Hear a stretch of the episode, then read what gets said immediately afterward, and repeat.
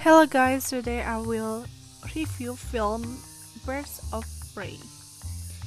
Bird of Prey is a movie adapted from comic. The main character is Margot Robbie as Harley Quinn, Courtney Bell as Black Canary, Mary Elizabeth Winstead as Huntress, Ewan McGregor as Black Mask, Rosie Perez uh, as Renee Montoya, and Ella Jay Basco as Cassandra Cain.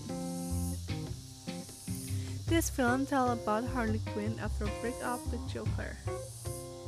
And after people find out that Harley Quinn broke up with Joker, many people chasing her for revenge.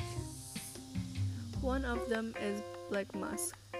Black Mask kidnapped Harley to be killed. And after Harley knew her was going to be killed, Harley negotiated with Black Mask to find the missing diamond that Cassandra Cain has stolen. And Black Mask holds a contest to find Cassandra that will make difficult for Harley. Harley looking for Cassandra to pick up diamond, but Cassandra ate the diamond. That's a problem.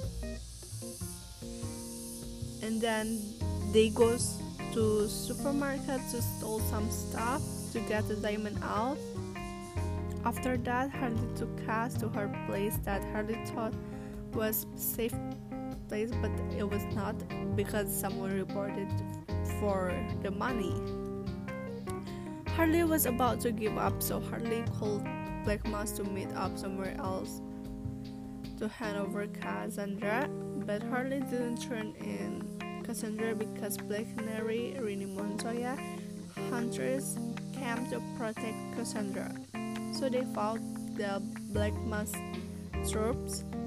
After fighting for a while, they won. I like this film because the actor played very well and the story it was good, but this film cannot be watched but by children because there are so many violent scenes. And I recommend you to watch this film when you have free time. You will enjoy this film because this film not only action but also has comedy.